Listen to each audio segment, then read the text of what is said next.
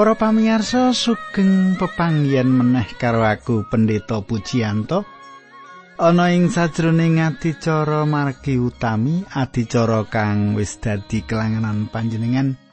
Kesayangan panjenengan aku matur nuwun dene adicara iki pancen dadekke berkah kanggo panjenengan. Panjenengan pirsa adicara iki mligi kanggo panjenengan sing seneng ngegilut pangandikane Gusti seneng sinau pangandikane Gusti. Tak aturake saka kitab-kitab ing kitab suci kita iki. Bab mboko bab ayat mboko ayat. Supaya panjenengan cetha apa kang dari pangandikane Gusti Allah sugeng midhangetake adi cara iki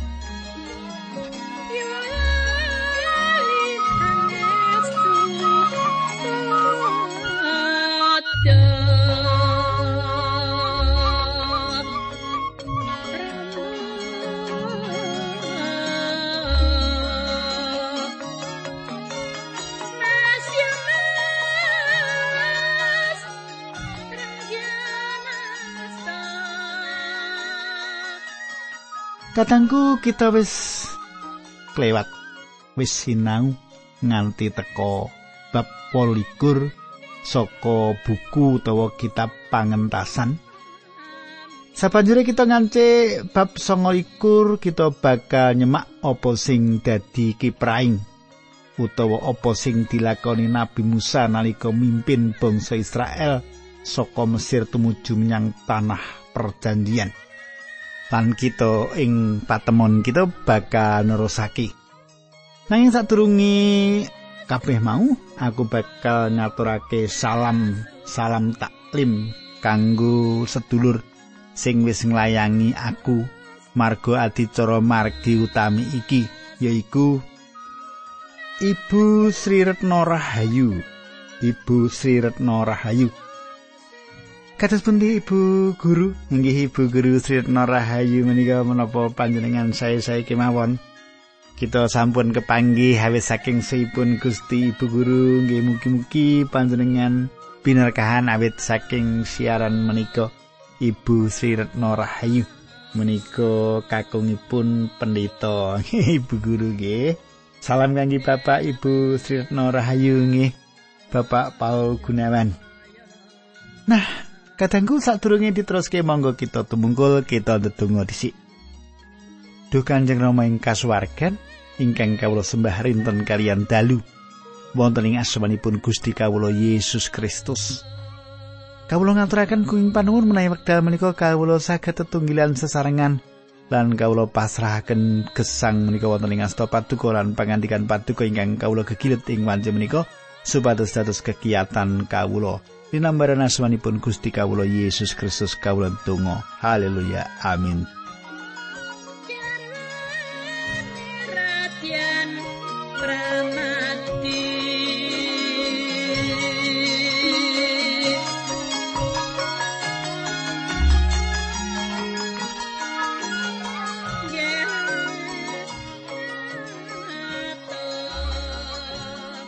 Kadang kula ingkang kula tresnani,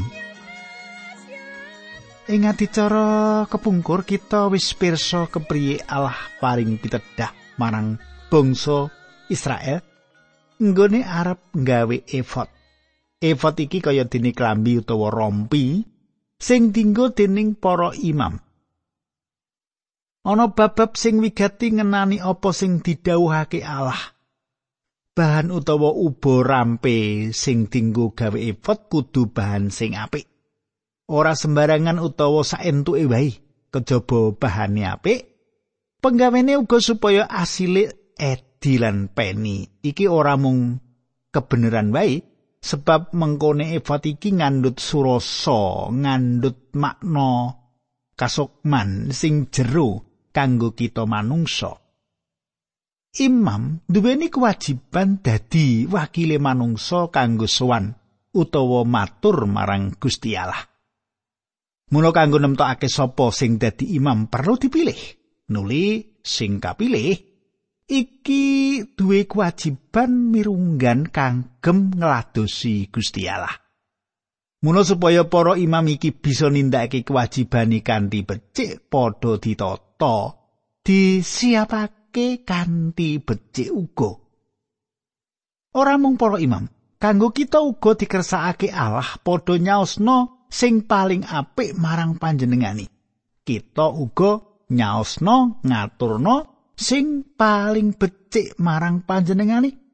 Senajan tanpa ana sing ngatak, sing ngakon kita manungsa sing wis tuwa kabecikan lan katresnane Gusti Allah kudu ngaturi apa wae sing apik kanggo peladosan kita iki ora teges yen kita kepengin ngladosi kudu tumpakane mobil mewah. Utawa turu ing hotel bintang papat. Kita bangun gereja upamane. Aja mung bahan bangunan sak kacandake kayu ya golek sing murah wae tok bati. Wah ya kok. Gumbangun gereja-gereja di dewi kok golek bati.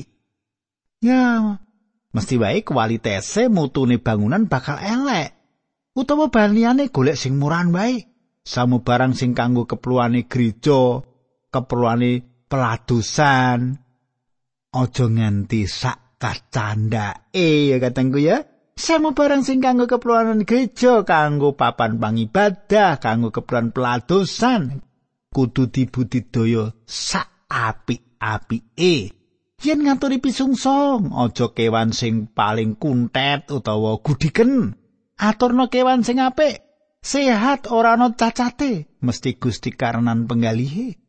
Yen wis nyediake piranti sing apik kanggo lelados, kita percaya yen bakal ngasilake piguna sing gedhe, manfaat sing gedhe. Piguno gedhe jalaran woe peladusan apik ing wasana asmane Gusti Yesus Kristus kaluhurake dening sapa wae. Nalika Allah paring pitedah marang bangsa Israel ngenani panggawene efod, Allah ngersakake ubo rampe utawa bahan sing apik-apik, malah sing paling apik dhewe. akeh pernak-pernik kanggo rencene efot sing saben barang ana surasa lan tegese dewi.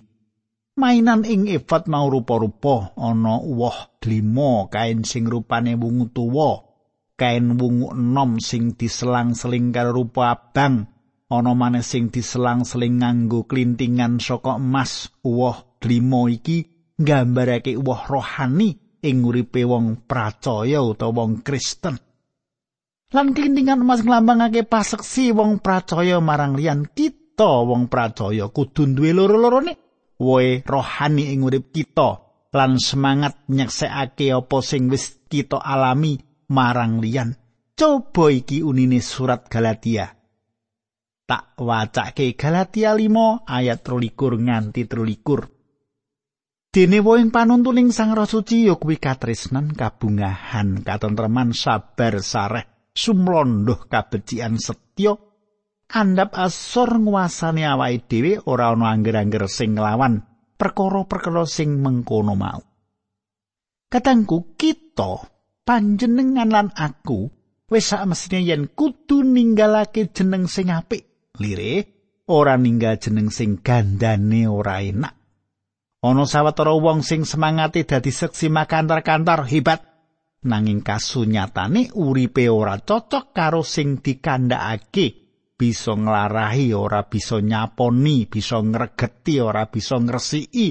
Bisa ngajar nanging ora bisa nglakoni gambar lan conto iki mau ana sambung rapete karo dawi Allah sing kagambar ing sandangan sing dinggo dening para imam karo maneh milih lan migunakake samubarang sing paling apik Sawise critakake bab penggawene efod kita arep nerusake ing bab 29. Kajaba dawa isine ora nyang semake. Mbuh yen panjenengan sing maos nanging kudune mbuh iku ala utawa iku apik. Sabdane Gusti bakal paring panggulawentah marang kita. Iya to? Dadi isine mesti apik kanggo kita lan roh Allah wis kepareng ngagem ayat-ayat iki kanggo paring wejangan marang kita. kita wiwiti nyinau pangentasan 29 ayat siji. Mengkene patrape netepake Harun lan anak-anake ing kalungguhan imam supaya bisa ngladeni aku dadi imam njupuka sapi lanang sing isih nom lan wedhus gembel lanang karo sing tanpa cacat. Yen ana panetepan imam iku ora teges yen panetepan mau kanggo kepentingane dewi panetepan imam iku prastawa utawa lakon sing dirancang dening Allah kagem kamulyane Allah. Tugas imam iku mirunggan kagem ngladosi Allah dudu pakaryan kanggo ngladosi manungsa saiki tak wacake pangentasan bab 29 ayat loro nganti ayat papat. Gawea adonan saka glepung gandum sing becik dhewe tanpa ragi sebagian dadekno roti nganggo lenga saitun sebagian tanpa lenga lan turahane gawinen roti keringan sing dileleti lenga. Pisungsung mau wadahana ing wakul saosna marang aku bareng karo korban sapi lanang lan wedhus gembel lanang loro. Harun lan anak-anake padha perintahana teka ing lawanging kemah palenggahanku sarta adus manut pranataning agama. Katengku, panyucen badane imam iki nggambarake kanthi urip sing anyar. sing semadya masrahake ka marang keturunan sak teruse. Dadi kaya dene kesiapane masrahake ka imaman marang angkatan imam sak banjure bisa disebut regenerasi. Coba panjenengan semak Titus telu ayat 5. Panjenengane milu jengake kita ora mergo penggawe becik sing kita tindakake nanging mergo saka sih rahmate piyambak. Kita padha dikumbah Merga saka enggon kita kakumbah mau kita nuli kalairake meneh dening Sang Roh Suci lan kaparingan urip anyar. Saiki pangentasan bab 29 ayat 5 nganti ayat 9 tak wacake. Sandanganing imam nong Harun klambi efod jubah sing nutupi efod tutup dodolan sabuk. Serbane trapno ing sirai lan nggonono jamang suci sing ana ukirane sesengkerane Allah. Banjur njupuk lenga jebat esokna ing sirai. Anak-anake kumpulna lan nggonana klambine, bangkeane sabukana sarta kopiahe entrapna ing sirai, ya mengkono kuwi patrape nggonmu netepake Harun lan anak-anake ing kalenggan imam. Wong-wong mau lan turune kudu ngladeni aku dadi imam ing salawasi. Mitraku panetepane imam iku nandhakake apa sing wis ditindakake dening Allah. Ketimbang apa sing kita tindakake, akeh para wong pracaya sing duweni setitik krentek kepingin ngladosi pakaryane Gusti, nuli kanthi janji sing mumbul-mumbul, golek panggonan kanggo netepake dirini supaya ditabisake utawa ditetepake dadi peladose Gusti. Mbah guru Injil apa pinutuwa utawa pendhita pisan, ana uga sing ngrumangsani nalika durung katetepake dadi abdine Gusti semangate dhuwur nanging bareng wis kelakon sak kepenake dhewe wae. Mula panetepan utawa tabisan iku kudune sowan marang Allah kanthi nggawa sekabe karingkian, kasekengan lan kekurangan, nuli pasrah sumarah marang apa kersane Allah. Nuli nyuwun supaya Allah paring kekuatan lan pasrah sak butuhe urip lan kanthi tememen bakal nindakake apa sing dikersakake dening Gusti. Yen panjenengan kersa ngatekake pandungane para leluhur kita kaya to Nabi Musa, Elia, Daud lan Samuel ing perjanjian lawas utawa Rasul Paulus sing perjanjian anyar kabeh padha rasuan marang Allah kanthi ngegungake kekuatane dhewe. Nuli kanthi teksura gumedhe janjakake makarya saake-ake kagem Gusti, ora. nanging padha sowan kanthi remuk ing ati jalaran dosane manungsa lan kabeh padha kasih ngladosi Allah kanthi becik. Janji sing makantar-kantar ing ngarsane Allah kanthi sifat adigang adigung adiguno bakal pupus sing tengah dalan sebab Allah ora ngersakake kekuatan lan kepinteran kita dadi sing nomor siji. Nanging Allah ngersakake sing dadi nomor siji yaiku pasrah urip sak butuhe kanthi andap asor. Saliyane iku Allah sing bakal maringi kekuatan lan akal budi. Janji sing gegilani semangate akeh bocore. ora kasil. Kenapa kaya ngono? Jalaran ora ana siji wae kekuatan. Jalaran ora ana siji wae kepinteran sing bisa kita aturake kanggo nulungi Allah supaya pakaryane Allah iku sukses. Dadi janjine marang Allah macet. Iya ta? Saiki ayo maca pangentasan 29 ayat 10. Sapi lanang mau banjur kudu kok gawa ing ngareping kemah palenggahanku Harun lan anak-anake padha numpangno tangane ing endase sapi. Kadangku Imam Agung lan keluargane padha numpangake lengene ana dhuwure sapi lanang mau upacara iki supaya ana pindhai kekuatan magis utawa spiritual saka wong mau menyang sapi lanang iku. Apa pancen kaya ngono? Nyatane panemu iku salah. Enggone numpangake tangan mau ora kok arep mindhahake tangan magis utawa spiritual menyang sapi mau yen panjenengan duwe penyakit nular lan panjenengan tumpangake ing sapi bisogo sapi ketularan ya iki sing arep dipindhake menyang sapi mau numpangake tangan ing awake sapi lanang iki nggambarake identifikasi kanyatan pribadi. Yen ana wong sing wis nglakoni dosane nuli teka ing kemah suci lan ngadeg ing ngarepe misbah karo nuntun kurban sing disaosake. Ing ngarepe misbah wong mau numpangake tangane ing dhuwure kewan sing digawa.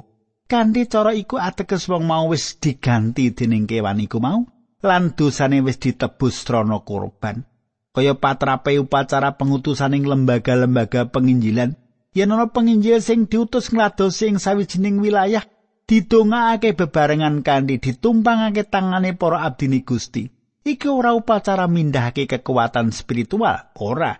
Iki sawijining identifikasi, sawijining pranyatan yen sing padha numpangake tangan marang penginjil mau uga melu nindakake peladosane penginjil mau. Mesti wae sing padha numpangake tangane marang penginjil mau supaya nduweni kawigaten kanggo bantu lan ndongaake kaya-kaya melu bebarengan ing peladosane. Dadi sing cetha nggone numpangake tangan iku mau pralambang identifikasi pribadi sing dosa. Mindahake dosane marang sapi kurbane kewan sing dadi kurbani. Sapi lanang mau diganti pribadini Harun, sapi mau bakal mati ganti Harun sing kudune mati jalaran dosane. Sapi iki dadi kurban bakaran, kurban obaran. yen kita wis tekan buku kaimaman imamat wong lewi kita bakal nyinau kanthi rinci bab korban ing taman eden korban bakaran iki korban obaran iki wis ditindakake misbah tembaga asring uga disebut misbah obaran awit ing misbah iki korban obaran sing piniji utama diobong korban sing piniji iki korban sing sepisanan sing gambarake sang Kristus sing sejatine dadi kurban iku nggambarake apa sing wis ditindakake dening Sang Kristus kanggo kita. Saiki pangentasan 29 ayat 23 nganti ayat 17 mengkini suralsi. Gajing wedhus gembel lanang iku mau jupuken. Semonoga buntute sing ana gaji, lapisan gajah ing jero wetenge, bagiane ati sing becik ginjel loro karo gaji sarta pupune tengen. Njupuka saka wakul roti sing wis disaosake marang aku, siji sing diolah nganggo lenga zaitun, siji sing digawe tanpa lenga lan siji roti gepeng. Panganan mau kabeh salehno ing epek-epeke Harun lan anak-anake dadi pisungsung goyangan marang aku. Roti-roti mau banjur jupuken sarta obongen ing sak dhuwuring kurban obongan dadi kurban daharan kagem aku. Gandaning kurban mau gawe renaning penggalihku. dadane wedhus gembel lanang mau cupon lan saosno marang aku minangka kurban goyangan iku dadi pandumanmu ing sajroning upacara netepake imam dodolan pupune wedhus lanang sing dinggo upacara mau kudu dipisungsungake marang aku minangka kurban goyangan lan disisihake kanggo para imam kadangku yen mengko kita nyinau buku kaimaman bakal bisa ngerti yen kurban sing dipisungsungake iku ana bagiane Harun lan imam liyani. Kita wis padha ngerti yen wong Lewi ora duwe palemahan kaya talar Israel liyane. sing bisa tetanen kanthi cara etuk sebagian kurban iki Allah ngopeni taler lewi sing wis kapatah sing wis ditugasake kanggo ngladosi ing kemah suci ana kurban bakaran sing ajek terus dikurbanake minangka pisungsung pangentasan bab 29 ayat 28 nganti 40 tak wacake ya Pangentasan sang likur ayat walikur nganti patang puluh mengkini. Pernatanku iki ora kena diwai, yaiku samangsa umatku misusungake korban keselamatan, dodolan pupune kewan mau dadi bagiane para imam, ya kuwi pisungsung umatku marang aku pangeran alai. Yen Harun tilar donya, sandangan sing suci mau kudu diwarisake marang anak putune supaya dinggo semangsa ditetepake. Anake Harun sing ganti bapakne dadi imam lan mlebu ing kemah palenggananku perlu leladi ing sasana suci kudu nganggo sandangan mau suwene pitung dina. Njupuk daginge wedhus gembel lanang sing dinggo sakjroning upacara ngresmakake Harun lan anak-anake daging mau banjur masaken ing panggonan kang suci. Daging mau kudu padha dipangan bebarengan karo turahan roti ing keranjang. wong-wong mau kudu padha mangan panganan sing dipisungsungke sadurunge upacara pangruwating dosa semangsa padha ditetepake mong imam sing kena mangan panganan mau awit wis disaosake marang aku yen esuke isih ana turahan daging utawa roti pangan mau kudu diobong nganti entek ora kena dipangan awit wis disucikake. Upacara netepake Harun lan anak-anake ing kalungguhan imam kudu ditindakake ing sadurunge pitung dina. Manut apa sing wis didhawuhake marang kowe? Ayat 36 saben dina kudu saus korban sapi lanang. Siji minangka pangruwating dosa kanggo nganakake pirukunan. Srana korban mau mesbeh bakal disucikake mesbeh mau banjur kudu kok jebati nganggo lenga saitun disucikake kagem aku pirukunan mengkono mau tindak lawasi pitung dina srana mengkono mesbeh mau kasucikake babar pisan sapa wae utawa apa wae sing nyinggol bakal dadi suci awit saka dayaning kasuceni. Saben dina kudu dikorbanake ing sandhuwuring mesbeh wedhus gembel loro sing umure setahun ayat 39 sing siji kanggo pisungsung ing wayah esuk sijine kanggo ing wayah sore ayat 40 bebarengan karo wedhus sing becik kudu dipisungsungake glepung gandum sak kilogram dicampur karo lenga saitun murni sak liter pisungsuna uga anggur sak liter kadangku Buku kaimaman arep meberake marang kita kanthi rinci bab korban bakaran iki. Korban iki pisungsung pedinan esuk ngorbanake anak wedhus gembe siji lan sore siji. Korban sing dadi pisungsung iki ngilingake marang kabeh manungsa, ngilingake kita. Yen kudu ana sawijining pribadi sing tansah dadi pengganti kita, dadi korban jalaran dosa-dosa kita manungsa, uga ateges korban sing ganti kita kanthi netesake getih ing misbah. Ing layang Ibrani nulis bab kayekten iki. Ibrani songo ayat 6 Awit yen mengkono panjenengane rak wiwit jagat katitahake kudu bola bali nggone nglampahi sengsara. Ora mangkono. Panjenengane mung rawuh sepisanan kanggo ing salawase ya kuwi ing jaman wekasan kanggo mirat dosa srana ngurbanake sarirane piyambak. Kadangku ayat iki mbiyo arakake bab Gusti Yesus sing wis masrahake pribadine kanggo kurban. gedhe sapi lanang wedhus gembel lan anake wedhus gembel ora bisa nebus dosane manungsa mung rae Sang Kristus sing bisa nebus dosane manungsa nggone Sang Kristus kesalib iku wis cukup kanggo dosane kabeh manungsa Gusti Yesus wis pundhat nggone ngrampungake dosane manungsa panjenengane mung sedo sepisan nalika rawuh ing donya kanggo nebus dosa-dosa kita iku wis cukup Kadangku semene dhisik atur giaran iki muga panjenengan kaberkahan. Monggo kita tutup kanthi atur pandonga. Duh Gusti Allah ingkang Mahasih kawula ngaturaken gunging panuwun menawi damnika kawula sampun mbikak kayekten ingkang saged dados cepengan ing gesang kawula dinambaran asmanipun Gusti Yesus Kristus kawula ndedonga. Haleluya. Amin